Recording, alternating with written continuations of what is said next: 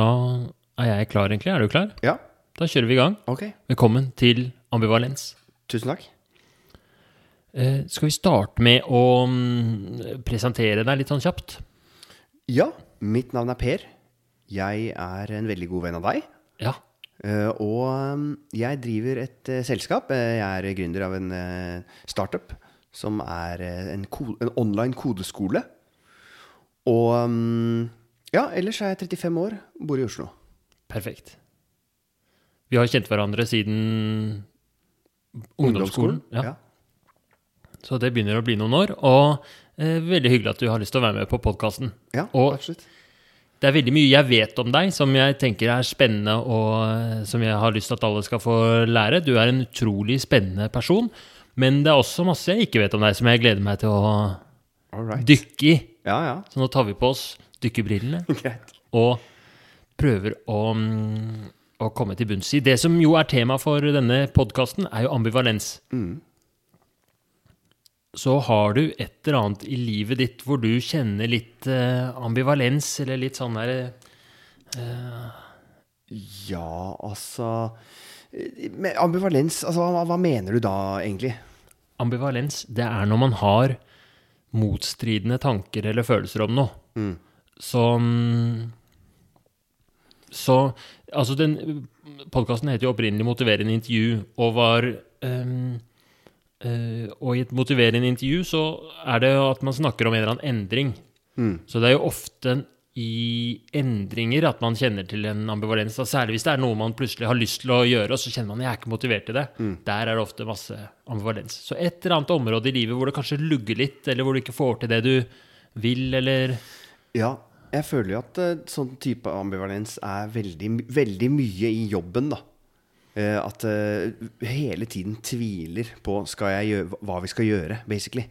Stiller spørsmål ved er det det riktige, eller er det ikke det. Og så liksom Ja, for eksempel skal vi skal vi lansere et nytt, eh, en ny eh, plan på Scrimba? Altså en litt mer eh, Hva skal man kalle det? En litt mer eh, immersive, eh, eller sånn mer omfattende et litt mer omfattende utdanningsløp, f.eks. Sitter jeg og tenker på nå. Mm.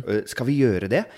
Det er veldig mange fordeler med å gjøre det, men så er det også mange eh, grunner til at vi ikke bør gjøre det. Så jeg, aner, jeg vet ikke hva som er riktig, basically. Eh, så sånne, sånt, veldig mye ambivalens, eller tvil, da, Ja. i jobben generelt.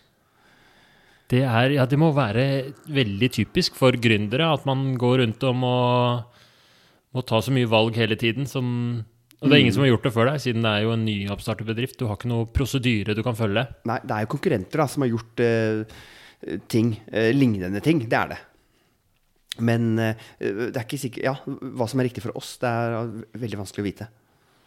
Så når du sier det er mange ting i jobben, da kan vi jo kanskje si at eh, denne episoden kommer nok til å handle mye om hvordan det er å være gründer og drive et, en eh, online kode, kodeskole. Skal vi starte med å få høre litt mer om historien til den? Hvordan den eh, ble til, og, og Ja. Um, hvor langt tilbake skal vi gå? Vi kan, eh, kan vi, hvordan, hvordan blir det til at man starter en online kodeskole? Det lurer jeg på. Hvordan kommer man dit, liksom? Jeg tror vi må gå ja, langt ja, tilbake. Ja, ja greit. Eh, eh, eh, Da, da må man tenke på Eller for lenge siden så, så drev jeg et eh, e-bokforlag, eller et barnebokforlag, hvor annet du ga ut barnebok. Ja, stemmer. og det var veldig gøy. Men det funka ikke. Så vi, den, den, gikk, den sjappa gikk Eller den gikk- måtte legge den ned, Ja. Det var den første bedriften du starta. Ja. Forlaget Propell. Stemmer. Og um, det var jo veldig kjipt å måtte legge ned den. Det var skikkelig slag i trynet.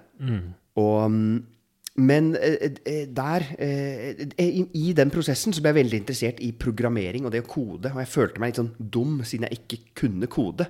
Vi ble avhengig av andre programmerere, da.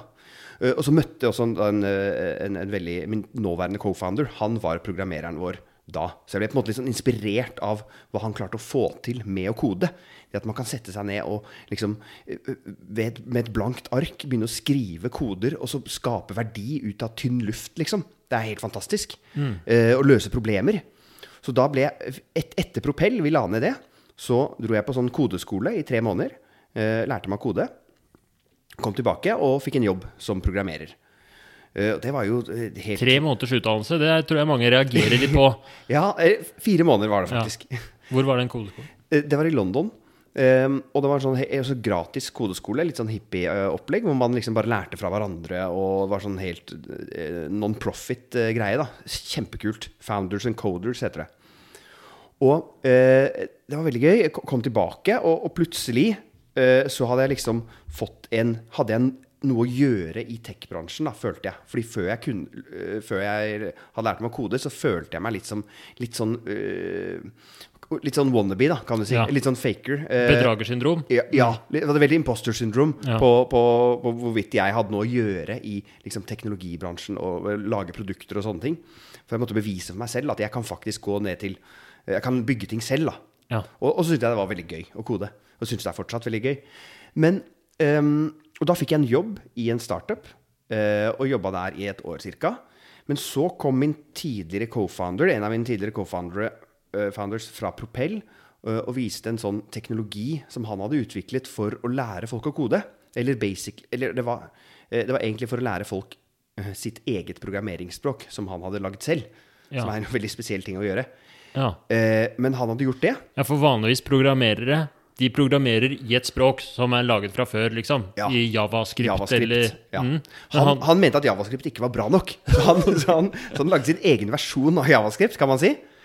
Ehm, men det er veldig dårlig eh, idé å, å gjøre det, fordi da er, du, da er du den eneste i verden som kan det språket. Og så hvis du bruker det språket som konsulent for andre selskaper, så hvis du eh, blir påkjørt av bussen, da, så sliter det selskapet. Ikke så sant? ekstremt dårlig idé å lage sitt eget programmeringsspråk, med mindre man også sprer det ut sånn at andre lærer det. ja. Eh, Så da måtte han gjøre det. Eh, Og i den forbindelse med å lære bort andre eh, om sitt språk, så lagde han denne teknologien som er grunnlaget for det nye selskapet vi eh, startet. Eh, som er en slags interaktiv kodeopplæ... Vid, interaktiv videoteknologi. Okay. Som gjør at du kan liksom, eh, ikke bare se på videoer, men du kan interagere med videoene og trykke på pause når du ser en, en kodevideo, og så kode litt selv også. Ja. Så gjør det mye mer engasjerende, da. Så denne teknologien, denne eh, video interaktive videoteknologien som han lagde fra scratch, egentlig for, fordi han hadde et språk han skulle lære bort, det viste seg å bli eh, utgangspunktet for et helt sånn et stort firma. Ja. eh, Stort og stort. Nå er vi fortsatt ganske små, men Ja. eh, utgangspunktet på, for eh, Scrimba, da, som er eh, startupen som vi driver nå Kan du si Vi må ha litt mer i den derre Hva er den teknologien for noe? Hvordan Ja, det er altså fordi Du ser for deg at hvis du, hvis, du, hvis du skal lære deg å kode i dag, så går du gjerne på YouTube og ser på sånne videoer av folk som koder. Så snakker de mens de koder. De filmer skjermen sin, basically. Og så, og så sier de sånn Ja, nå, nå skal vi lage den funksjonen her, og så skal vi fikse opp eh, denne knappen her, og så bla, bla, bla. Eh, men så du som seer, du sitter der da og Ja, men det er fint at du forteller meg det, men du vil jo gjerne prøve det selv også. Du vil skrive litt kode selv. Og det kan du jo ikke gjøre med en vanlig YouTube-video. Ja, ikke sant? Da må du ha et egen Da må du kanskje ta pause i videoen, og så kode Ja. Ja, da må du sette på pause, så må du sette opp ditt eget system, så det kan være masse call, og så må du komme deg fram til samme utgangspunkt som han på YouTube-videoen er i, for å liksom gjøre akkurat Følge med han, da. Eh, eller hun. Eh, og, og, og det er veldig knotete og dårlig, en dårlig opplevelse. Så, men med Scrimba så kan du da bare sette den videoen på pause. Eh, video i gåseøynene, altså. Det, det er ikke en tradisjonell video. Men du kan sette den på pause, og så kan du liksom bare hoppe inn i koden og fortsette eh, på, på, på læreren sin kode. Og prøve deg litt fram. Og når du har prøvd deg nok fram eh, og, og liksom ja, lekt litt, så kan du trykke på play igjen, og så fortsetter læreren å, å fortelle, da. Så du kan på en måte gå Det høres jo nesten helt magisk ut. Du Ja. kan gå inn i videoen der hvor læreren eh, koder, og så å, å eksperimentere og jobbe og løse oppgaver. Ja, så det er litt som Se for deg at hvis det, hvis det er et, et, et kokkeprogram, da. eh, Jamie Oliver, så kunne du sette på pause eh, i Jamie Oliver, og så kan du, kan du gå inn på kjøkkenet hans og prøve å, å, å hakke litt eh, tomater Ja. og blande litt og sånne ting, og prøve deg litt fram. Så ja. nei, det funka ikke. Så Jamie Oliver står og lager omelett, og så kan du si ja, men hva hvis man har eh, agurk oppi der, Ja. og så plutselig så er det en agurk i omeletten til Jamie Oliver, liksom. Akkurat. Det er, det er, eh, det er nærmeste analogien jeg kan tenke på. Ja. Den enkleste å forstå, sikkert. Det høres helt magisk ut. Men i og med at det handler om koding, så er det faktisk mulig å, å gjøre det her. Ja, fordi det er, det er jo da vanlig video er, består da av piksler, men dette her er, er noe annet enn piks. Eller det er, det er rett og slett du ser, Det du ser på skjermen, er faktisk en kodeeditor uh, hvor vi bare faker det. det. Det får det til å se ut som en video, men egentlig bare er, er det en kodeeditor som eh, blir det Der kode blir skrevet. Ja, nemlig. Så den nem skjønner. Så ja. ja okay. Så, så det, er, det er jo da teknologien. Og, og bare for å ta tilbake til hvordan det vi da starta, så var da hadde jeg et, da jeg møtte da Sindre viste meg denne teknologien, så hadde jeg blitt veldig interessert i å skrive om det å lære seg kode, fordi jeg hadde jo opplevd hvordan det forandra livet mitt. Det var jo helt fantastisk at jeg plutselig hadde en rolle, følte jeg, i, i uh, produktutvikling. Og, mm, så jeg hadde skrevet mange artikler om det. Da var det litt sånn perfekt. Vi visste at vi jobba bra sammen. Og, og, og, da, og han hadde lagd den teknologien. Og jeg hadde blitt veldig opptatt av å formidle det at folk bør jo bare lære seg å kode. Og så kan de gjøre kjempemasse kule ting og få gode jobber og tjene mer penger og sånne ting. Så da tenkte vi ok, da prøver vi å starte noe på nytt, da. Og så gjorde vi det. Eh, Og det, var, det er nå ca. fem år siden. Ja, Så da var ideen Så du uh, hadde egentlig ikke den uh, Du hadde ikke tanke om å lage kodeskole egentlig helt fra starten, Nei. men når du så den teknologien som han egentlig hadde lagd med et annet formål, så tenkte du her er det et eller annet. Dette kan vi bruke til å lage en slags uh, Ja, å virkelig lære bort koding generelt, da. Ja, det var iallfall en i hvert fall åpenbar innovasjon, da. Det føltes litt som eh, nå gå, å gå fra liksom eh, analogt kamera til digitalt kamera. Den, der, den innovasjonen fra, med Ja. på YouTube-video eh, for å lære seg kode, og Scrimba-video for å lære seg kode. Det føltes veldig sånn Dette må Noen må bare lage dette her.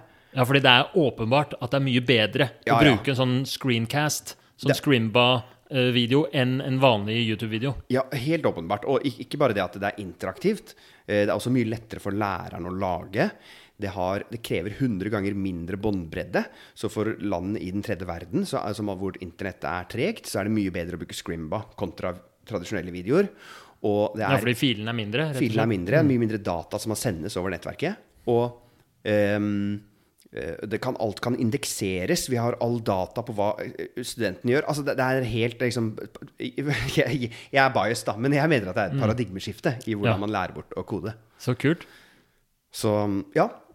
Eh, Nei, så det var utgangspunktet. Og jeg, vi hadde ikke noe idé om at Eller det var ikke åpenbart at dette skulle bli en kodeskole fra starten. Så vi var innom veldig mange forskjellige ting.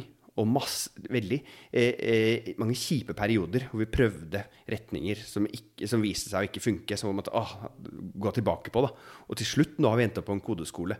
Men det var ikke helt åpenbart, for det er mange andre Det var åpenbart at det skulle være noe innenfor kodekommunikasjon, men det er fortsatt mange retninger innenfor der man kan velge, da.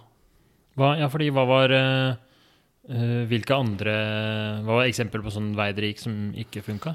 F.eks. Eh, internt i eh, utviklerteams. Der er det mye sånn kommunikasjon rundt kode. Man, der man skal gi såkalte code reviews.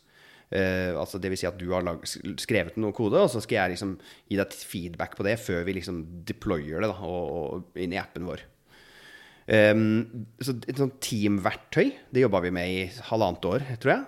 Um, endte opp i ingenting. Eller mye bra teknologi som ble utviklet, men ikke noe sånn ikke noe kommersiell suksess, da. Ja. Og eh, altså i, i, klasseromsundervisning, vi samarbeida med skoler for å teste i klasserom, og på videregående skoler og eh, høyskoler, og, og også ja, flere API-dokumentasjon, som er litt sånn teknisk, men, men be, altså det er eh, selskaper som lever av såkalte API-er, som er eh, grensesnitt for eh, apper å snakke med hverandre. De må ofte lære opp programmerere verden over eh, liksom, i bransjen i sin teknologi. Altså, Kall det dokumentasjon, da. ja. Eh, masse, alle disse retningene prøvde vi, og, mm, men det funka ikke. Eh, så til slutt landa vi på da å lage kurs selv, da, og det funka veldig bra. Fortell mer om de eh, kursene og den skolen, og hvordan den er bygd opp. Hvordan, eh, hvordan er firmaet bygd opp nå? Ja, altså det er jo Det vi prøver å gjøre, er å lage en Visjonen vår, det er å lage eh, det er, Vi har den på engelsk. eh, høres kanskje litt corny ut, men det er, eh, visjonen er å gi the quality of Stanford at the price of a gym membership. Ikke sant? Så gi en utdannelse som er like bra som topp, topp, topp uh, universitetsutdannelse. Ja. Stanford, beste universitetet. Ja. Men istedenfor at det koster 200 000 kroner i semester, eller hva det koster å gå på Stanford, så koster det Ja. 100 kroner i måneden, eller nei, 500 kroner i måneden, eller et eller annet. Ja, Cirka som det samme som et treningssenter skal koste. Mm. Og det koster forskjellig i Så i Norge koster det ja, 350 kroner i måneden, mens i India så koster det noe sånt som 50 kroner i måneden. eller sånn noe. Så vi, vi selger til veldig forskjellige priser i, i, i hvert land, basically. Ja. Um, og, det er en, og det er det, da har vi lagd dette pensumet og uh, bygger da et, et sånn community med folk som uh, hjelper hverandre. Og det er det. Fordi skal vi det, Vi må ha et community rundt det. Fordi man kan ikke gi en utdanning uh, i, i Stanford-kvalitet med mindre det er Altså, vi kan ikke være på like billig som et treningssenter hvis vi introduserer lærere som skal hjelpe deg hver gang du sitter fast, eller hver gang du skal få feedback på koden din. Det går ikke, for da blir det for dyrt. Så hva må vi gjøre da? Jo, da må vi få elevene, studentene selv, til å hjelpe hverandre. Så vi motiverer motivere de til å gi hverandre feedback, til å hjelpe hverandre når, det man, er, når man sitter fast. Til å bare he henge ut med hverandre og, og motivere hverandre. Mm, ja, ja, det fordi sånn- det er noe av det som jeg tenker u øh, umiddelbart, da. For hovedfordelen med å dra på et universitet er jo for venner. Ja, ikke sant? Og, og det er jo eh, sånn når du er eh, 19 år og du skal på universitetet liksom, Det, det jo, handler jo mye mer enn bare å lære seg det du skal lære. Altså Det handler sannsynligvis mer om det sosiale. Så eh, fordi, for en, for en 19-åring som har lyst til å oppleve livet, liksom, så ville jeg ikke nødvendigvis anbefalt å, å hoppe på Scrimba og spare eh, halve de penga, liksom. Hvis du har en drøm om å reise på eh, universitet i, ja, hvor, hvor som helst i verden, så, så kan man selvfølgelig gjøre det. Um, men, men når det kommer til læringsdelen av det, så mener jeg oppriktig at vi kan tilby noe som er eh, bedre enn de aller fleste andre læringsinstitusjoner eh, Ja. ute i verden, som tar mye, mye mer betalt enn det vi gjør. Ja. Og noe av grunnen til det er fordi den der teknologien som de kursene kommer i, gjør at man lærer fortere, bedre, er mer, eh, er mer liksom kobla på. Åpenbart. Det er, det er mm. veldig ofte når man lærer eh, Det man havner i, er såkalt tutorial hell, hvor man bare sitter og ser på videoer av Eller sitter i en forelesning og bare liksom eh, tror at man lærer. Siden man Det maker sense når du sitter her, også, Ja. men, men du gjør ikke noe selv. Du, Ja, du er bygger ikke noe selv. Ja. Mens, mens Screama-plattformen tvinger folk til å måte, bygge selv da, og, og lage ting selv og kode selv. Det er eneste måten å bli flink til å kode på. Det er å kode masse selv.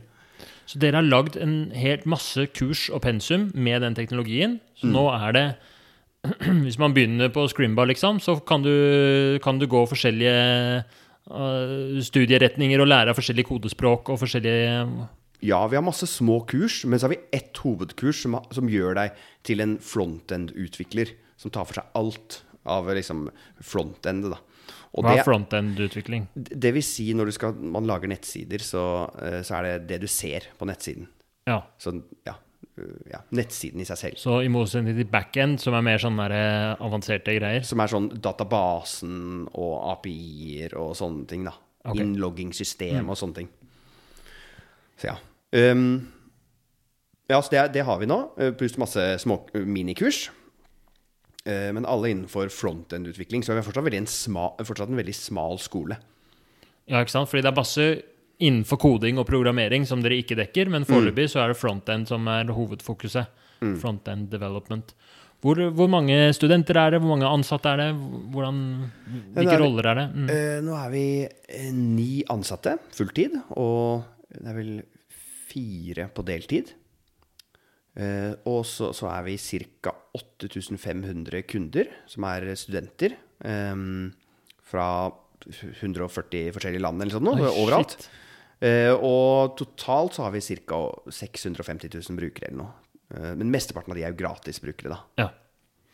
Så enormt mange, da. 650 000. Ja, men det, alle de er ikke på siden eh, hver måned. da. Det er kanskje drøyt mellom 100 og 150 000 som er innom Scrimba i måneden. Ja. Så voldsomt mange gratisbrukere, også en god del som er eh, betalende abonnenter. Ja. Og, og en, liten, eh, en liten tight bedrift på ni fulltids og Ja. fire deltid. ja Og du er sjefen, da? Ja, stemmer. Og um, Hva er din rolle, liksom? Nei, det er jo alt mulig rart, da. Eh, hovedsakelig så er det jo liksom passe på at vi har eh, penger på kontoen. Eh, men også liksom sette retningen og visjonen for selskapet. Og, um, og passe på at liksom teamet fungerer bra, da, og at vi har de riktige folkene og ansettelser og sånne ting. Vi har vært mye av det i det siste. Uh, egentlig alt annet er også veldig involvert i liksom det pedagogiske. Og og, og, alt administrativt uh, greier. Regnskap og sånne ja. kjedelige greier. Så du, du, er liksom på toppen om å ha en finger med i spillet på egentlig alt? Men det, fordi det har vi, jo, vi har snakket masse om det her før, da, men det jeg veit, er at du er, For du nevnte det pedagogiske. At du har en veldig sånn klar idé om hvordan koding skal læres bort. Ja. Uh, ja. Um, har det. Og det er litt sånn Det er vel noe jeg har lært selv etter å ha sett mange Scrimba-kurs og mange studenter, og, og, innsett hvor ekstremt viktig det er at vi utnytter teknologien til det fulle. Og hvis man henter inn en god lærer til å lage et Scrimba-kurs, så vil de eh, automatisk behandle det som om det er en vanlig video. Men man må tenke ja. helt annerledes. Og eh, må, jobben blir mye mer å få studentene til å kode selv enn å forklare.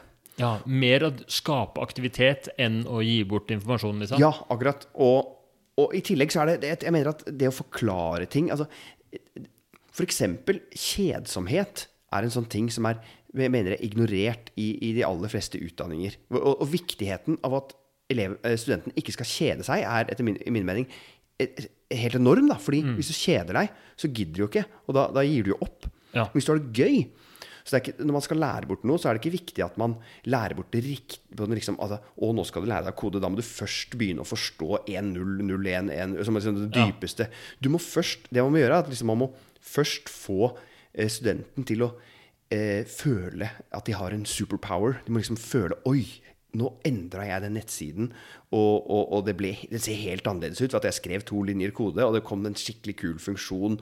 Og liksom sånne ting, da. Mm. Eh, Raskt skape eh, eh, interesse og mestringsfølelse og de tingene der. Ja, det skal være gøy, ikke sant?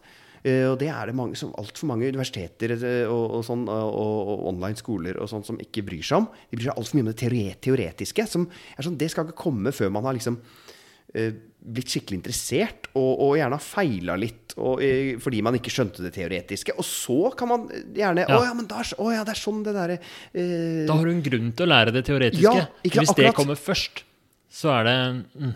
Nettopp. Det, det, ja. det er så etter mitt hjerte, det der den tankegangen der. Ja. Så, um, så da når det kommer nye lærere, så gjør de typisk sånne eh, feil hvor de overforklarer eller, bruker for mye tid på detaljer som kanskje ikke er så viktige for studentens uh, aktivitet og mestring og læring. Og så ja. må, du, må du fram med pekefingeren. og Ja, eh, så det, nå har vi gått vekk fra Vi hadde, et, vi, vi hadde en, vi en situasjon der vi delte Eh, det har også vært et sånt dilemma altså med sånn tvil eh, og litt ambivalens. Eh, vi, vi, pleide å ha en såkalt revenue split med lærerne, der de fikk 30% av inntektene, og vi fikk 70 Men det, det, da var de bare konsulenter, og de kom inn og lagde ett kurs, og så dro de. Og da ble det veldig stress for oss. og sånn, ah, Hver gang så måtte vi liksom ah, Nei, men faktisk så må du endre litt på mm. uh, pedagogikken her. fordi du, Ikke behandle det som en video. Vær litt mer interaktiv. Få studentene til å gjøre litt mer.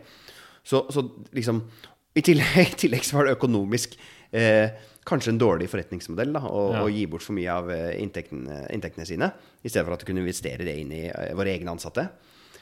Så der har vi snudd da, og begynt å ansette lærere i stedet. Uh, på fulltid. Så nå har dere ansatt istedenfor at dere hyrer inn konsulenter til å lage enkelte kurs, mm. så har dere fulltidslærere som bare jobber med å lage kodekurs i, på den skolen? da. Ja. Ja, det høres så. jo bedre ut, for da kommer man Særlig i og med at eh, det viktigste er ikke den derre kodekompetansen, men eh, evnen til å bruke teknologien til det fulle, som du sa. I og med mm. at det er det som liksom er verdien her. Ja, det er det. Og ofte så er det sånn at faktisk når folk er for flinke til å kode, så blir de dårlige lærere. Fordi de glemmer hvordan det er å være nybegynner, og um, hvor um, hvor, hvor, ja, de tar ting for gitt. da. Mm. Så, så de, de, siste lærerne vi nå har ansatt, de, eller, han har ikke, eller han har jobbet som frilansutvikler i noen år, men er på ingen måte en seniorutvikler. Han er en juniorutvikler, men kjempeflink lærer. da. Masse empati for hvordan det er eh, å være nybegynner og ikke forstå helt grunnleggende ting. Og han, er faktisk, det, han, har vært, han har vært engelsklærer i 18 år, men har lært seg å kode de siste, siste år, eller de siste fem årene så har han vært veldig sånn seriøs eh, frilansutvikler også. da. Ja, det er spennende. Det høres Det minner meg litt om min erfaring fra å være lege på sykehus og sånt nå. At det er ofte de legene som er hakket mer erfarne. De som er Jeg var LIS 1, og så var de LIS 2. Det er ofte der man lærte mest, da, fra det som var liksom ett trappetrinn over. At, um, Ja, ikke sant? at de har litt mer For det er så For hvor effektivt du klarer å lære bort, det har så mye å si hvor godt du klarer å se dem du lærer til. Um, ja. Absolutt. Og, og der tenker jeg jo litt sånn universitet òg, da. Er litt, er, eh, eh, det er en ting jeg er sånn skeptisk til, er det, er det der med at eh, professorer har på en måte undervisningsplikt. Altså man, man er både forsker og underviser. Noen kan jo klare det. Altså Jeg tviler ikke på at du nailer det eh, helt Ja, sykt jeg, bra. ja, ja, Eh, så, du, er 75 unikum. forskning og 25% undervisning nå. Ja, men mm. sikkert veldig mange Eller min erfaring er at de som er veldig flinke forskere eller veldig flinke eh, kodere, ikke er samtidig veldig flinke formidlere. Så at man burde kanskje separere de Eller jeg tror veldig på det Vi er iallfall sånn at de som, de som koder Scrimba, er ikke de samme som lærer bort på plattformen vår. Vi bruker ikke engang samme teknologier. Og, altså Det er helt, helt totalt forskjellig. Ja, det tror jeg er noe i det. det. Jeg har i hvert fall opplevd selv mange professorer som jeg ikke syns var pedagogiske, som var åpenbart ekstremt dyktige forskere. Og det har jo masse verdi i det, at du kan liksom som student komme og ha tilgang til de smarteste, flinkeste på feltet, som liksom har Men når Ja, det det er er, en sant. forelesning, og den er dørgende kjedelig, og langt over hodet på det jeg egentlig skjønner fra før, så går vinninga kanskje opp i spinninga, da. Jeg syns det er så givende å ha øh, Min lærerrolle er jo stort sett å ha smågruppeundervisning. og Da er det seks-syv studenter.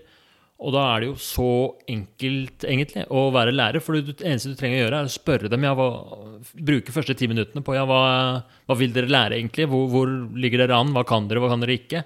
Og da er det, det er sånn Da er oppgaven så utrolig lett, da. Ja. Selv om etterpå så er det sånn Å, det var kjempebra undervisning, ja, tusen takk. Men det var liksom Det var Det føles nesten som juks. For jeg spurte bare akkurat hvor er dere, hva er det dere vil lære, og hva skal vi gjøre, liksom? Og så, ja.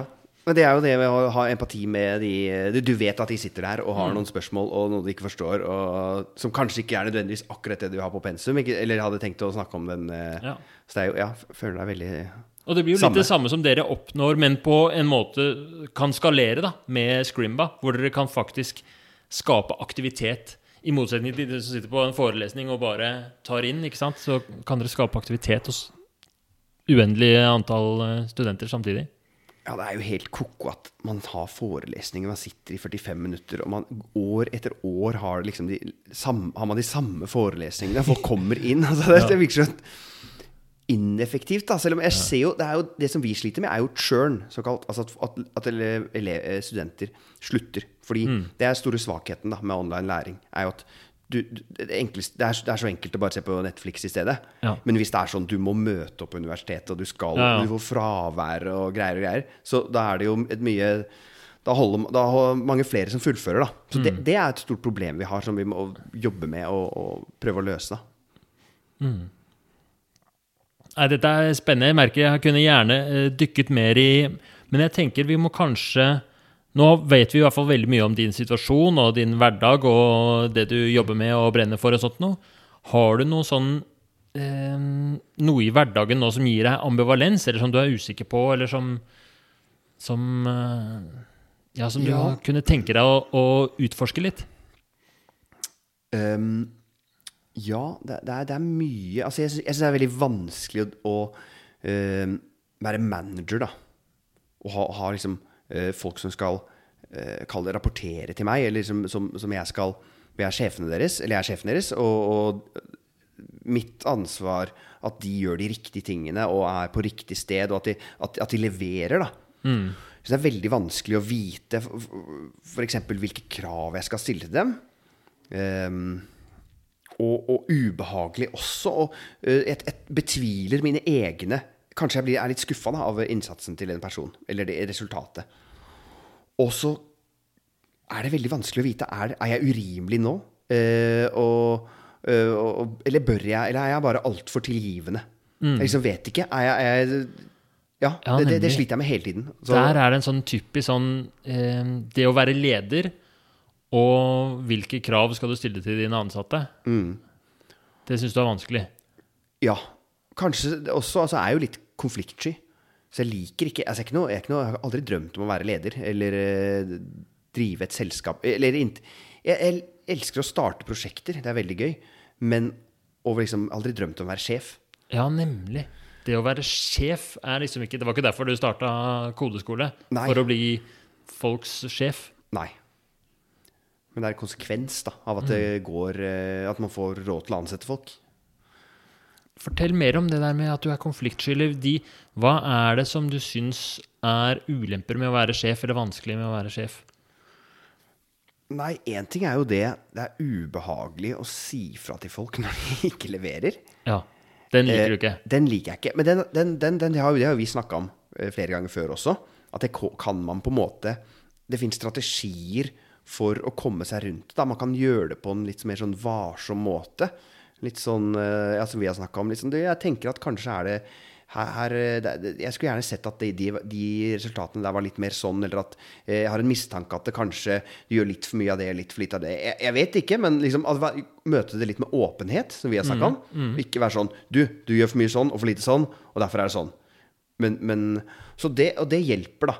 Det hjelper. Så der er det allerede ehm, Der har du allerede på en måte jobbet en del med det og funnet løsninger på hvordan det kan Så det var egentlig et sånn litt sånn teknisk problem. Ja. Hvor du fikk bedre ledelsesteknikk, og så ble det det litt kanskje, ja. bedre. Mm. Men samtidig så er det jo sånn at jeg oppsøker jo ikke de konfliktene Altså, jeg lar det nok heller murre og gå eh, inntil jeg eh, faktisk eh, eh, konfronterer det, da. Ja. Så det at det murrer og går, er det at det murrer og går hos deg, eller at det murrer og går i bedriften? Nei, altså, altså hos meg. At hvis, er, hvis det er noe jeg tenker at jeg bør uh, ta opp eller er litt misfornøyd med, så, så lar jeg det gå altfor lenge, tror jeg. Ja. Og det går inn på deg? Blir du Ja, jeg kan bli sånn irritert og eh, Ja. Øh, kanskje det, det, det synes kanskje på andre måter øh, i, i kommunikasjon med andre. Jeg, jeg vet ikke helt. Men øh, det, kanskje jeg blir passiv-aggressiv. Jeg tror ikke jeg blir så veldig det, men, men, det, kan, men det merkes sikkert. Det gjør du, sikkert det. Ja, du merker det i hvert fall selv, Ja. og det kan hende at du liksom Jeg vet ikke hva det skulle vært, ja, at du liksom svarer litt kort på en eller annen mail eller noe sånt, eller Ja, det, det kan nok være det. Uh, og, mm, men kanskje mest at jeg går selv, for da går jeg selv og gnager på det. Og så eh, Men i tillegg så er det, det nettopp det, den tvilen som er der. Er jeg urimelig Ja. med det? Eller er det liksom uh, legitim, uh, legitimt å være misfornøyd med akkurat det? Kan vi ta et sånt uh, fiktivt eksempel på hva Mm. som kunne vært Hvis jeg var ansatt, da. Hva er det en sånn typisk ting jeg kunne gjort som var Som vekket dette i deg? Denne irritasjonen eller murringen? Nei, la oss si at du har ansvar for å øh, gjøre en eller annen jobb. Da. Lage et kurs, da, f.eks. Mm. Og så bare føler jeg at det går øh, for treigt. Ja. Så Eh. du forventer at det kurset skal være ferdig på to uker, og så sitter jeg på tredje uka halvveis? Ja. Og så, har, og så jobber vi Vi er jo helt remote, så, så alle sammen sitter jo Vi er jo på Altså virkelig i alle tidssoner. Fra liksom Australia i øst til øh, ja, midt, Midtvesten i USA. Så det er, øh, og, og veldig ja, langt unna hverandre. Ingen møtes. Så, så det er vanskelig å vite, da. Det er ikke sånn at jeg, jeg kan ikke følge med. Det er ikke, vi er ikke på kontoret sammen hver dag. Så, så er det vanskelig å vite sånn Er det Var det urimelig av meg å kreve at du skulle ha, ha ferdig første versjon på to uker? Veldig vanskelig å vite, fordi det er så mye faktorer der som er Kanskje var det Er det et veldig vanskelig eh, Akkurat det kurset veldig vanskelig å lage, da? Da trengte du flere dager på å, på å gjøre, gjøre det. Så men, eh, men kanskje ikke. Kanskje egentlig så har du Du har malt veggen i stua samtidig mens du har gjort det. Og liksom eh, Du har tatt det ganske Du har tatt, vært litt slack, da, rett og slett. Ja. Er sånn, altså jeg stoler veldig på de ansatte jeg har, men ehm, Men altså, det er, det er, alle sånne tanker virrer og går i huet, selvfølgelig. ja. Så du har en sånn stil, eller eh, strategien, er å ha høy grad av tillit, og at liksom eh, det, Du Ja, gjør det det- i ditt tempo, liksom, men resultatet er at du går og irriterer deg og får tanker om at ja, nå sitter han sikkert og maler taket, liksom. ja. ja. Eller, eller- bare liksom det Kanskje er vedkommende litt for distrahert, da. Fordi dette kan være å projisere mine egne svakheter på andre, egentlig. Fordi jeg er jo veldig eh, lett for Hvis jeg begynner å gå på Twitter tidlig på dagen, så kan resten av dagen være liksom en eh, tiendedel så produktiv enn det den Ja. kunne være hvis jeg bare hadde vært i fokus hele tiden. Eh, Eller ikke hele tiden, selvfølgelig, med pauser og sånn, men, men liksom hvis jeg bare hadde holdt meg unna de distraksjonene. Og så, og så vet jeg at andre er jo ikke nødvendigvis Det er noen som klarer å faktisk gå på Ja. en nettavis tidlig på dagen, og så jobbe effektivt resten av dagen. Jeg klarer ikke det. For deg er produktivitet en sånn kamp, og det kanskje projiserer du litt over på andre. Og øh, hvis det går litt treigt, så tenker du da er sikkert at han han må, Og så har du sånne Ja. løsninger du bruker selv, så du tenker det må sikkert han også gjøre. Det, det er ja, det, det også prøver vel det, det, Der jeg har prøvd å Jeg prøver å gi Men det, ja, gi folk litt sånn råd om hvordan de kan deale med sånne distraksjoner. Men um, det vet jeg jo. Særlig etter samtale med deg om, om sånn motivasjon av folk. Det å komme med 'Ja, men du må jo bare gjøre det! Du må bare gjøre det!' du må bare gjøre det Ja. Det funker jo ikke. Du har gått uh, Hermans inspirasjonsskole, så ja, ja. Så, kanskje vi kan starte en, en sånn, et lite kurs eh, på din plattform med Ja. motiverende intervju. og absolutt. Ja. Um, ok, la oss oppsummere litt av denne her ambivalensen. Det ligger i det å være leder og en sånn typisk sånn derre gnagende eh, liten sånn ulempe med å være leder for deg. Det er det å forholde seg til eh, til ansatte hvor du har noen forventninger, og hvor du får en sånn tvil om liksom hvor mye krav skal jeg stille, hvor um, hands on skal jeg være med de. Skal jeg liksom uh, Skal jeg si fra med en gang, og kanskje lar du det gå litt, og så kan du gå i lange tider og irritere deg over at noen ikke har gjort en innsats som du tenker er god nok, da. Er, det, er jeg inne på Ja, liksom? ja, ja, absolutt. Og, å gå og irritere meg over meg selv over at eh, dette burde jeg tatt tak i tidligere, eller burde jeg ikke ha vært her, burde jeg vært mer eh, rett på, jeg burde vært mer, mindre konfliktsky. Da. Burde tatt opp En gang jeg tenkte på det, så burde jeg eh, tatt tak i situasjonen. Um, og ja, så er liksom en sånn Ambivalensen ligger vel litt i det at det, det, det, er- og, og det er egentlig ikke noe jeg har ikke vært så veldig motiv... Det er mange som er sånn «Å, å, Jeg har så lyst til å liksom, utvikle meg selv som leder og liksom gå på lederkurs. Og liksom, uh, jeg syns det virker som sånn der eh, Det er så mye svada der ute, føler jeg. Så Ja. egentlig har jeg ikke noen ambisjoner om å, om å utvikle eh, Bli en bedre manager, sånn sett. Men jeg vet jo, logisk sett, at hvis Scrimba skal gå bra, og jeg skal være, fortsatt være daglig leder, så må jeg jo det også. Ja. Så da eh, Selv om jeg mye heller skulle liksom lært meg mer om liksom koding og, og kanskje markedsføring Altså andre ting, da. Ja. Så mm, det er, det er kanskje litt sånn eh, Ja, ambivalens der. Er det en sånn utvikling? Fordi nå har du holdt på med dette firmaet her i fem år. Er det sånn at i starten så var du i mye større grad en prosjektstarter og en Da var det færre ansatte, ikke sant? og du liksom starta prosjektet, gjorde mye mer av tingene selv. Det var du som lagde kursene. Du var liksom lærer og prosjektstarter, mens nå har du gått over til å bli i mye større grad leder. Ja, Og at uh, arbeidsoppgavene dine har forandra seg veldig. Ja det, det har det. Og jeg lengter veldig tilbake til det å kunne bare sitte eksempel og kode i timevis og eller dagevis og ukevis. Er kjempedeilig. Det er et savn, det der. Det er savn, ja. Eller sitte og, eller sitte og lage et kurs, eksempel. Eh, bruke tre måneder på å lage en stor modul. Mm. Eh, det hadde vært fantastisk å kunne gjøre igjen. Men, eh, men det er nok ikke riktig for selskapet at jeg gjør det. Ja. Med mindre det er helt grunnlig Altså, noen no, Det kan være det er jeg som er eh, eh, At jeg bare vil tro det. Fordi jeg har litt planer om å lage et kurs eh, til neste år. Um, men um, om det er riktig? Ja, nei, jeg vet ikke. Det er vanskelig å vite. Det er vanskelig å vite. Hvis vi skal prøve å For nå har vi kommet litt til bunns i den ambivalensen. da. Det er Mm. både en sånn derre negative sider ved å, ved å være leder og ha andre oppgaver som du syns er litt vanskelige. Du er konfliktsky. Det å stille krav, de der mellommenneskelige tingene der. Krav og forventninger til eh, undersåtter. Um, og så er du litt inne på, men kanskje ikke så mye, fordelene med det skiftet. da. Hva er egentlig de positive sidene med at du nå er leder, og hva er grunnene til at du ikke bare sier sånn jeg skal bare lage kurs, liksom? Nei, det er jo fordi det, det, det kommer jo ikke til å Hvis Scrimba skal bli en stor suksess, så må vi jo vokse og bli større og må, ja, må ha flere kurs, må ha flere lærere, må ha flere programmerere øh, og alt det der. Uh, og det skalerer jo ikke. Altså hvis jeg ikke jeg kan, ja, jeg kan jo ikke lage alt selv og gjøre alt selv. Det, Jeg må rett og slett eh, manage andre. Og det er jo det som er drømmen min, at Scrimba skal bli et veldig suksessfullt selskap.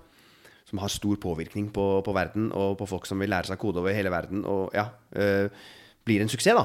Ja, for det er liksom det underliggende som vi ikke har egentlig sagt nevnt med ord, egentlig, men du vil at Scrimba skal bli større og øh, øh, flere abonnenter, flere kurs, mer øh, Du sa påvirkning på verden. Ja, ja absolutt. Altså, det er jo derfor jeg starta det, for at det skal bli eh, bli et stort selskap. Eller faktisk, jeg vet ikke helt om det er riktig å si at det var helt fra starten. Jeg tror nok, hvis jeg tenkte for fem år siden hvis jeg tenkte at det, å være ti ansatte og ha den og omsetningen jeg har nå, det hadde vært helt, helt fantastisk. Altså, da, det hadde vært en drøm, liksom. Eh, men så blir man hele tiden vant til Jeg tror jeg er litt avhengig av det hamsterhjulet det er å drive startup. Hvor det er at du får en Du, gir ut et kurs som, som, gjør det bra, og så, øh, og så Ok, så kommer du til et nytt nivå. Øh, kommer, når det øh, omsetningsmålet, og så er det sånn Ok, ja. Ah, ok, det, det var ikke Det var, var fint, men øh, nå er det neste. Så det, den, den, den tørsten slukkes ikke, da, på et vis. Som er som kanskje litt sånn eh, En kjip greie. Ja. Altså man man bare eh, Man tenker at bare vi når det målet der fremme, bare vi får så bare vi er øh, ti ansatte eller 100 ansatte, eller hva det er, så, så, så skal jeg være Da skal jeg slappe av. Og, og da skal jeg være fornøyd. Men det tror jeg ikke skjer. Så Nei. derfor tror jeg det blir en sånn hele tiden bare må, må vokse det må, må bli større og større. Og man er litt avhengig av det dopaminrushet det er å nå det neste nivået. Eller de, de små eh, Altså berg-og-dal-banen. da, blir Litt avhengig av den, tror jeg. Ja.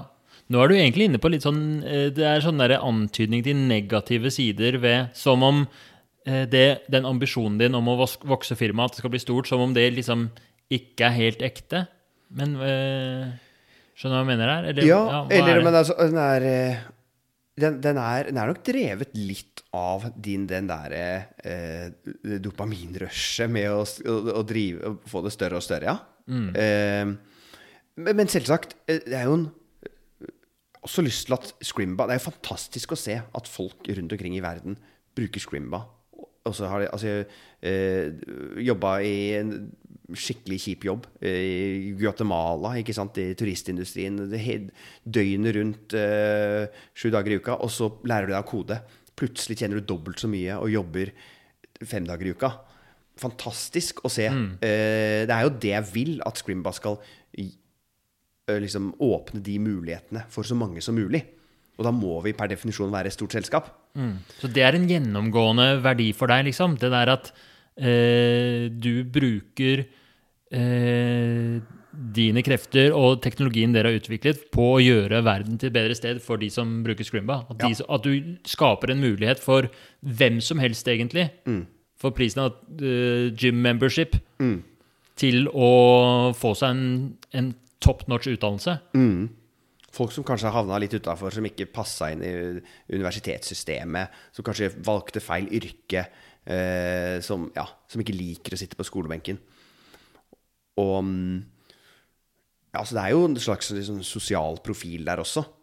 Eh, og, og fordi nettopp jeg gjorde jo dette selv i, med det, i, den, i Founders and Coders eh, på den bootcampen i, i London. Og opplevde hvor livsforandrende det var for meg. da Plutselig hadde jeg masse muligheter. Eh, og følte at jeg hadde en plass i, i produktutvikling, tech-sfæren. da Ja, jeg husker det godt. Det var deg og en annen, vår felles venn, Ja. som dro på hver deres sånn tremåneders kodecamp. Ja. Plutselig så var, var vennene mine borte og var på sånn kode per camp, og kom begge hjem og fikk sånne top notch programmeringsjobber og Fikk plutselig kjempegod lønn, og det var liksom her skulle jeg ta medisinstudie pluss med Bjørknes, da, så ble det syv år. ja. Jeg tror faktisk eh, ja, man man får sånn cirka samme starten som en lege får når man, hvis han programmerer med bootcamp i, i, i, og, og, får seg en jobb som juniorutvikler. ja. Fantastisk. Ja.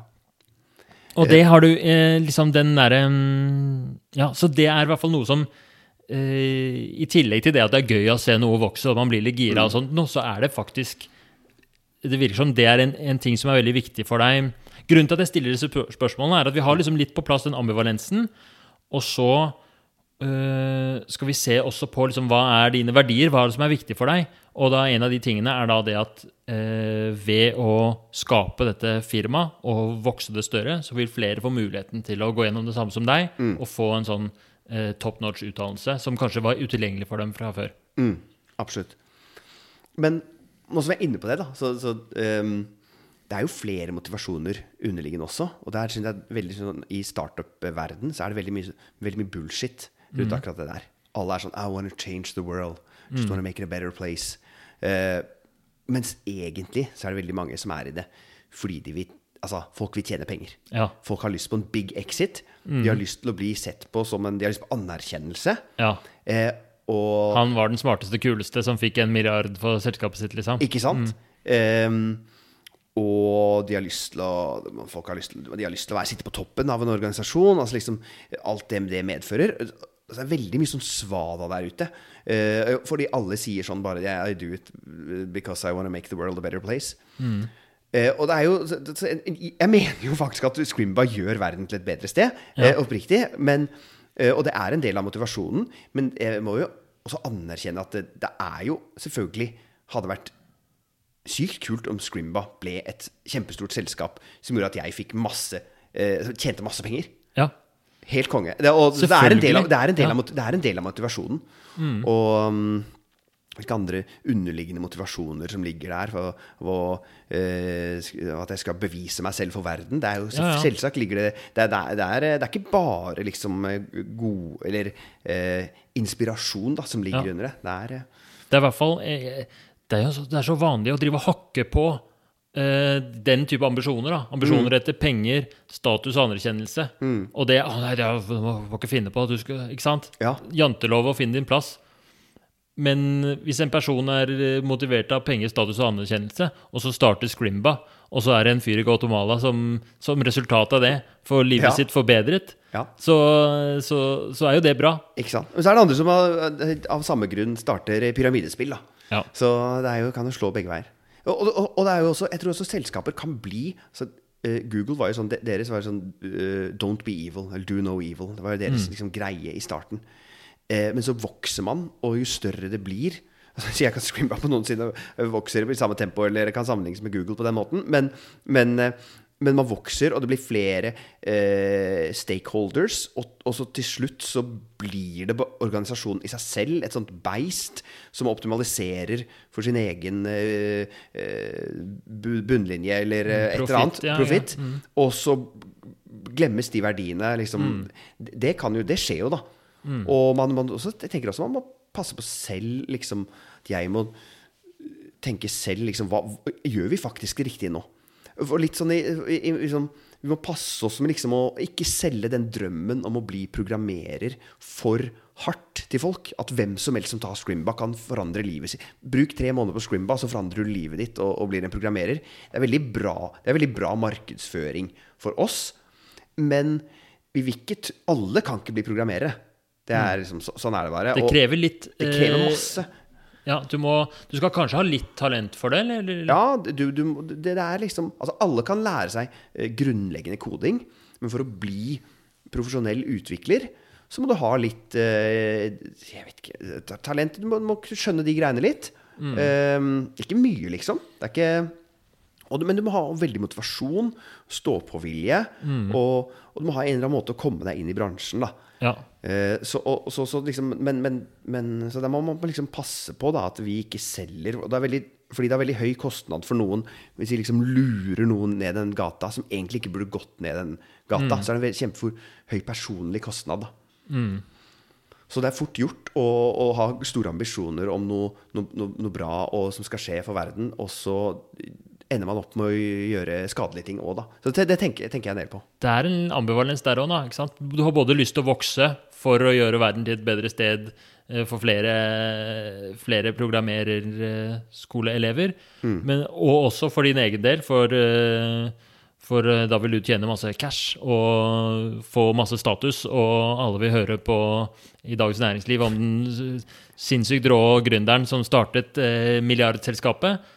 Men samtidig så har du en sånn motstand mot det, fordi du er redd for at, at Fordi akkurat nå så er selskapet tuftet på noen skikkelig bunnsolide verdier, og, og det er helt sånn åpenbart at alt er liksom aligned. Mm. Alt men på et tidspunkt, hvis det vokser stort, så kan, så kan ting bli vanskeligere å deale med. Mm. Og så er det også det der med at jo større det blir, jo mer annerledes og kanskje mindre eh, tilfredsstillende for deg blir akkurat den, din rolle som leder. Mm.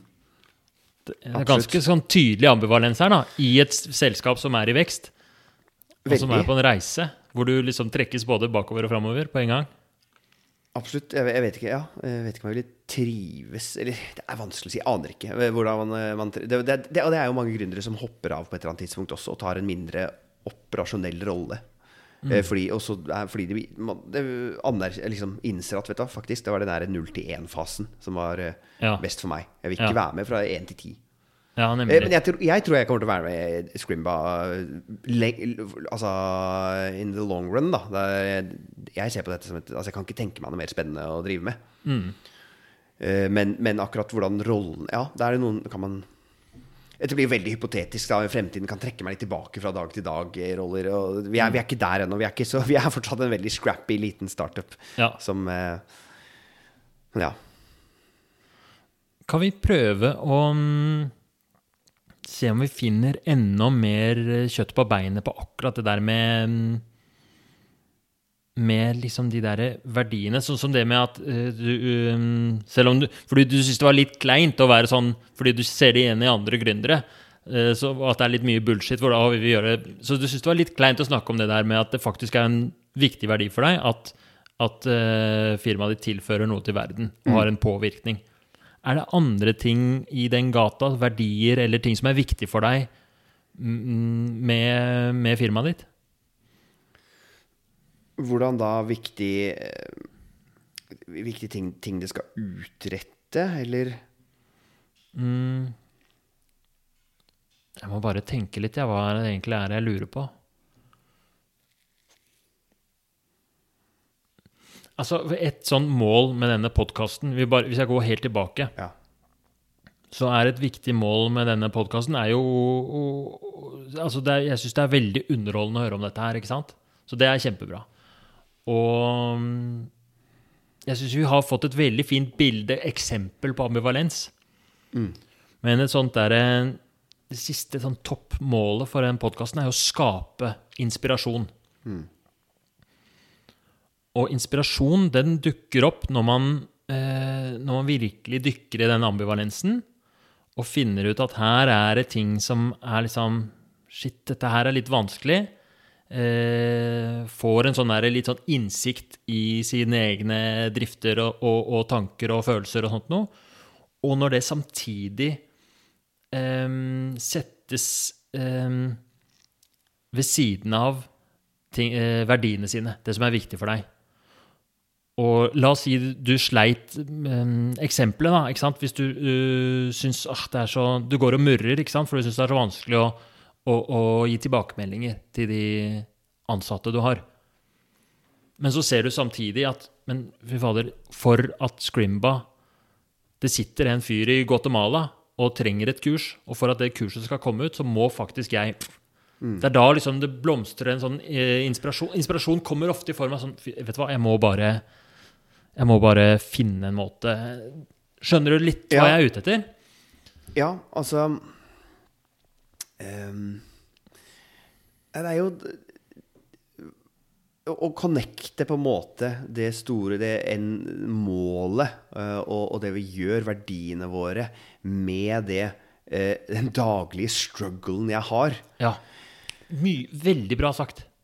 Så, og der jeg tror, som jeg sa tidligere også, at dag til dag så drives jeg nok mer av litt sånn dopaminrush og eh, eh, utålmodighet. Og tenker ikke så mye på det der, det gode vi gjør. Vi bruker nok for lite tid til å tenke, og, og for lite tid på strategi også. Jeg har ofte en tendens til å bare liksom, gjøre Få fremdrift, gjøre noe, uten å liksom ta et steg tilbake og tenke hvorfor gjør vi dette her? Og hvor er vi på vei? Um, men det som har vært fint Jeg hadde jo vært om liksom i disse vanskelige situasjonene eh, kunne hatt det litt mer litt, Kanskje litt klarere for meg. da Hva er endresultatet? Hva, hva, hva er uh, eh, Hva er liksom uh, what's, what's the stakes here? Men jeg vet ikke helt hvordan eh, hvordan det skal gjøres, da. Eller hvordan eh, få- få det mer frem, frem i, i, i hodet, liksom. Tenker du for deg selv da, eller for, for de ansatte? Nei, nå, nå tenker jeg først og fremst på meg selv. Ja. At um... Men det er, det er veldig godt poeng at eh, sannsynligvis så Hvis jeg ikke tenk, har det alltid klart for meg selv hva Scrimba skal gjøre i verden, og, og hvorfor det er ekstremt viktig at vi, at vi faktisk fordi Hvis ikke vi klarer det, så tror jeg, eh, tror jeg andre kommer andre kodes, det kommer til å være andre kodeskoler der ute, men de kommer til å gjøre det på en annen måte og en dårligere måte enn det vi løser det på. Og det er jo også, går jo sånn tilbake til sånn lederrollen, at man skal sette visjonen for selskapet. Og der har jeg nok vært for dårlig, tror jeg.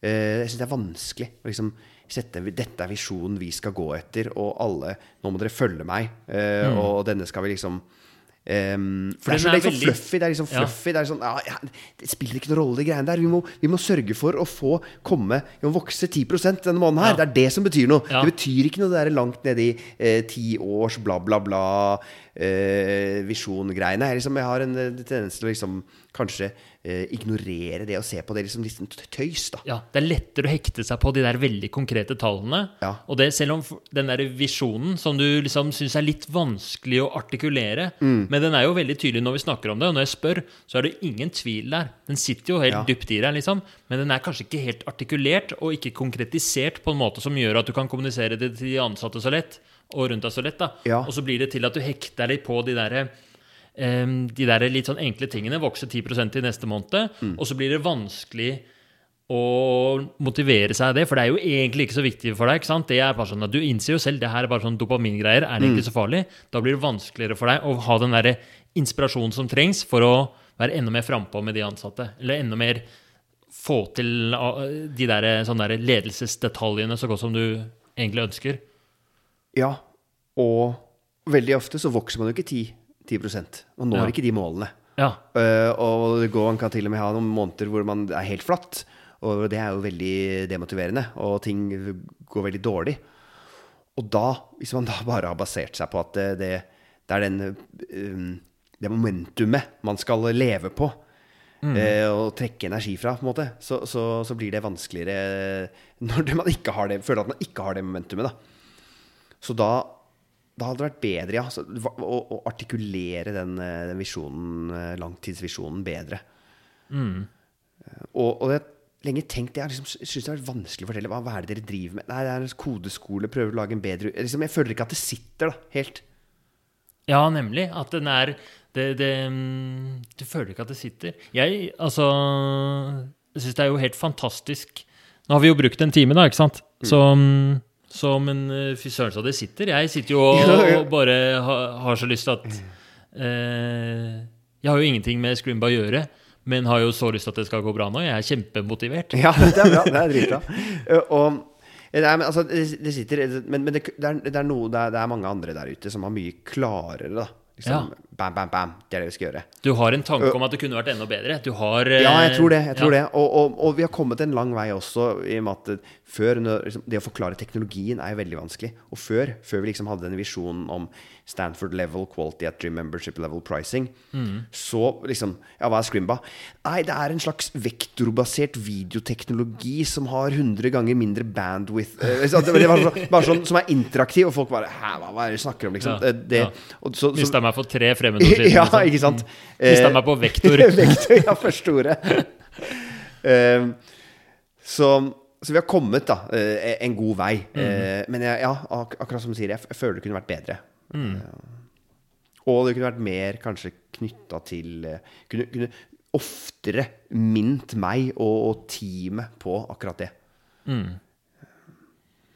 For det er, det er sikkert det for de andre også, at det er masse ambivalens og Altså, å drive eh, nytt firma er megautfordrende. Det dukker opp tvil og situasjoner og konflikter og alt mulig hele tiden. Og eh, Så det er masse ambivalens, og den må liksom komme opp til overflaten. Og så må man eh, artikulere Hvis man klarer det, samtidig som man klarer å artikulere verdiene, så vil bare det der firmaet være fylt av inspirasjon. Em, når du sitter her, får du noen um, Kjenner du noe Kjenner du noe inspirasjon? Absolutt. Hva, kan vi, skal vi dykke i den? Ja. Hvordan beskriver du den? Nei, det er bare, først og fremst er det bare veldig sånn eh, digg å prate om det. Og liksom at at det, det mm, At det er greit at alt, alle disse alle forskjellige At motivasjonene er eh, Utforske litt den, den Hva er egentlig motivasjonen? At det er greit at motivasjonen er mange forskjellige ting. Og eh, Det var litt digg for deg, å Ja. innse liksom at det er ikke så farlig om jeg også er gira på å bli rik. Ja, ikke sant? Ehm, og mm, jeg, tenk, jeg tenker det der at det, det, er, det, det, jeg må huske på, er dette med å, å, å, å ha den visjonen klart. Og tørre å snakke om den. eh, overkommunisere rundt den. Men også ta meg liksom tiden til å jobbe med den. da. Og, og tenke at um, en, det, det, fordi jeg, jeg har en tendens til å liksom, eh, se ned på den typen arbeid. Tenke at det er bare tøys. Um, men um, i, og med, det, liksom, i og med at det vil ikke alltid gå på skinner. Uh, og det er veldig dårlig kanskje å motivere seg selv å være, være motivert av et momentum hele veien. Uh, og når det ikke går på skinner. Fordi da uh, Ja, når det da ikke går på skinner, så har man ikke det momentum å lene seg tilbake på. Så da må Ja. man lene seg liksom, Da må man helt ned til i, the core, da. Grunnleggende. Hvorfor gjør vi dette her? Ja. Minne seg på det. Så det mm, Nei, det skal jeg tenke litt på. Det er så spennende. Kan du si noe om hvordan det kjennes i kroppen? Eller en, altså, nå veit jeg at du liker det konkrete, men har du ja. um, bare for at lytterne kan liksom Jeg har lyst til at denne podkasten skal gi mange eksempler på inspirasjon, sånn at man liksom kan bli flinkere til å gjenkjenne det. Nei, altså, jeg føler meg mest sånn rolig og syns det var gøy å prate om. Ja. Det er det, det, det først og fremst.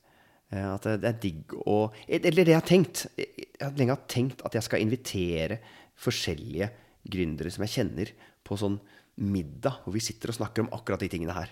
Oi, kult! Fordi det er så mye sånn hvordan gir man tilbakemeldinger? Hvordan eh, kommuniserer man tydelig med teamet? Hvordan, altså, h- h- hvordan gidder altså, hva, hva når man er megaumotivert, liksom? Ja. Hva skal man gjøre da? Hva gjør dere da? Ehm, så jeg føler liksom at det, det, etter den samtalen her, så er det åpenbart at jeg må, jeg må sette i gang med det. Ja, nemlig. Så jeg Det er har åpenbart for deg. For det, er overhodet, det var helt eh, overraskende for meg at det var det som var ideen. Men Ja. det er det som har sittet og dukka opp nå. Bobla fra et eller annet sted. Ja, altså, jeg hatt Gründermiddagen. Gründermiddagen, ja. Mm. Jeg har hatt eh, Det har jeg tenkt på det en stund. Ja. Um, men jeg må bare få, få ut fingeren og, ja, og kjøre på med det. For det er vanvittig uh, deilig å bare få eh, lette på sløret og, og få det ut, da. Ja, det er et eller annet magisk med å snakke om disse tingene. Om verdier, om ambivalens. Det er et eller annet som skjer. Det som er um, eh, Det som er liksom en sånn viktig, stor greie, det er at man, man, man tror at tanker inni hodet er liksom virkningsfulle og effektive. Man tror at liksom en visjon, for eksempel, som vi snakket om, da, eller en verdi, er noe man har inni seg. Og så lenge den er inni seg, så jobber den bra, og så følger man den. Men eh, som du jo sier, da, ikke sant, så er det når, du ikke, når det ikke blir artikulert, så, så på en måte forvitrer den. Så den verdi man ikke snakker om, vil liksom krympe og krympe og bli mindre og mindre. Og så vil det tas over av de påtrengende eh, motivasjonene. Ytre motivasjon, ikke sant? Eh, Dopamin, 10 økning, alle de tingene der. Så ehm, Og jeg vet ikke hvor relevant det er for deg, men i hvert fall til uh, selskaper og sånt nå, så er det et vanlig tips det at man uh, ikke bare at visjonen treng, skal ikke Det er misforståelse at firmaet har en visjon, og den er sånn. Og den står der. Ja. Og så er det ingen som leser det notatet noen gang. Men visjonen skapes jo og vedlikeholdes i de der samtalene. Og den endrer seg jo kanskje litt også. Ja. ikke sant? Plutselig, For, for eh, fire år siden så drev dere jo med teambuilding-verktøy. ikke sant? Ja. Og kanskje om to år så driver de med litt annet, og da må visjonen henge med. Så det å, å Og alle kan jo bidra til den nå, ikke sant? Kanskje har, eh, kanskje har eh, en eller annen lærer har en tanke om at eh, det som er viktig for meg, er å, å, er å mm, lære bort koding, men at man også er ærlig med hverandre. Et eller annet sånt noe. Og så kan det liksom komme inn i visjonen og bli en kjempeinspirasjonsfaktor for han. Og for da føler han enda mer eierskap til firmaet fordi hans Ja. gir dette her mening. Hva tenker du når du hører det?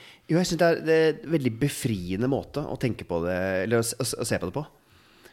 Fordi vanligvis er det sånn uh, Yeah, the CEO should have a vision. It's crystal clear. Mm. Ja. Uh, Steve Jobs-stil, ikke sant? Ja. Eh, men sånn er ikke jeg i det hele tatt. føler Følte ikke det sånn i det hele tatt. Mens den der ideen om at det er noe som firmaet litt sammen skal komme Finne ut av, og som skal videreutvikles og knas hele veien, det, det, det, det høres veldig bra ut, altså. Det, det tror jeg skal det, det, skal jeg teste litt mer, tror jeg. Så kult. Jeg tror ikke det er Jeg tror det er veldig Kanskje noen ender med, etter en lang karriere, å liksom være veldig selvsikker på visjonene og verdiene sine.